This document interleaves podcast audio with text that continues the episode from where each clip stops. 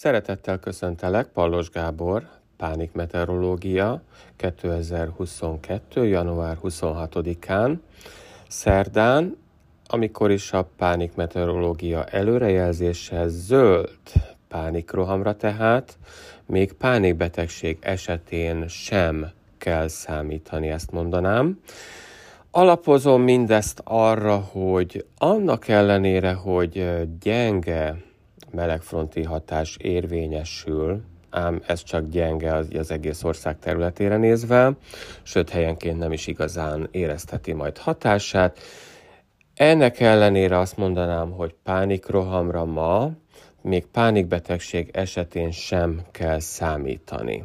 Ami azért is jó dolog, mert így tudsz fókuszálni valamelyik pozitív gondolatra, gondolkodásra, legy- bocsánat, legyen az például, legyen az például a hála, vagy legyen az például a felelősségvállalás, vagy legyen az például másoknak a segítése.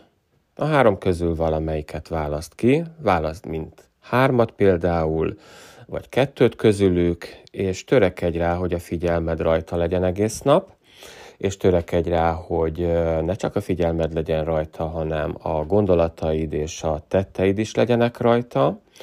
Lásd meg például a hála tekintetében, hogy milyen sok minden is van körülötted és te benned, ami miatt hálás lehetsz. Lásd meg azt is, hogy a mai önmagad a tegnapihoz képest mennyivel több, és így érezd át, hogy felelősséget vállaltál, és érezd át, hogy a jövőben is tehetsz így, hogy például a hol, holnapi önmagadért felelősséget vállalsz ma, ugye, hogy jobb legyél holnap, hogy több embernek tudjál segíteni. És ha már a más emberek segítéséről van szó, akkor ez is egy pozitív gondolkodás törekedj arra, hogy próbálj meg minél több embernek ténylegesen segíteni, hogy az ő életük is jobb legyen. Ezek mind-mind-mind a pozitív gondolkodás kategóriái.